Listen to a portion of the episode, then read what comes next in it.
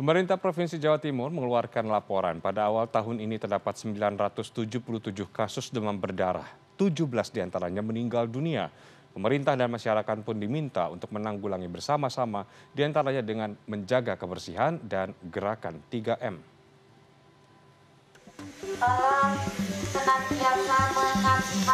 jangan sampai terjadi lagi ada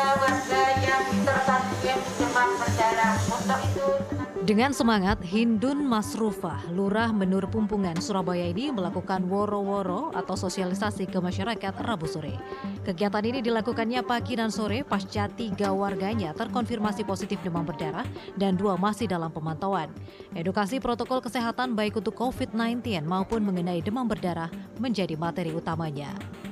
Ya, saat musim penghujan, ancaman demam berdarah memang meningkat. Pemerintah Provinsi Jawa Timur merilis per 1 hingga 24 Januari terdapat 977 kasus demam berdarah, 17 di antaranya meninggal dunia. Kegelisahan pun dirasakan warga, termasuk warga Kelurahan Menur Pumpungan Surabaya yang tiga warganya terkonfirmasi positif demam berdarah. Ini tak ganti air, tak ganti air, air. Ya. Berapa lama sekali gantinya? Ya enggak, tiap hari. Tiap ngeleki tak ganti. Uh, menurut saya uh, semua itu kembali lagi sama diri sendiri. Yang pertama harus menjaga kebersihan. Ya yang saya lakukan ya bersih-bersih tiap hari, jaga kesehatan. Antisipasi lebih pun dilakukan berbagai pihak. Di Surabaya, setiap Jumat dilakukan pemeriksaan genangan air oleh Bumantik atau juru pemantau jentik. Tidak hanya memeriksa setiap genangan air di sekitar rumah warga, juga dilakukan penyebaran abate dan juga edukasi ke masyarakat.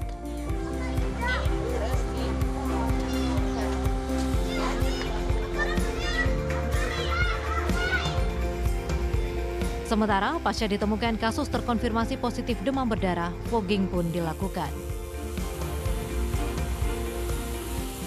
Jadi kegiatannya nanti pengerukan saluran, terus eh, penataan lingkungan, terus sekaligus bersih-bersih terkait dengan mungkin ada barang-barang yang sudah tidak terpakai sehingga nantinya kami bersama eh, tiga pilar juga masyarakat kader kesehatan dan dari kecamatan juga bersama-sama bahu-membahu terkait dengan pelaksanaan kerja bakti masal yang akan kita laksanakan hari Minggu nanti.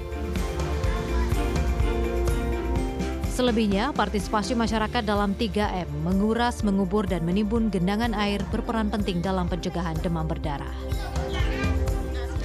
Sudah dilakukan fogging, sudah dipantau oleh juru pemantau jentik, lalu diam pasrah menyatakan bahwa demam berdarah sudah aman? Oh tentu tidak.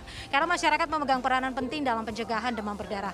Misalnya saja adalah kondisi kebersihan di dalam rumah. Hal sederhana, tumpukan pakaian kotor di dalam rumah itu justru bisa menjadi kawasan hidup dan bermain dari nyamuk Aedes aegypti penyebab dari demam berdarah. Wida Subianto Agadipa, Surabaya, Jawa Timur.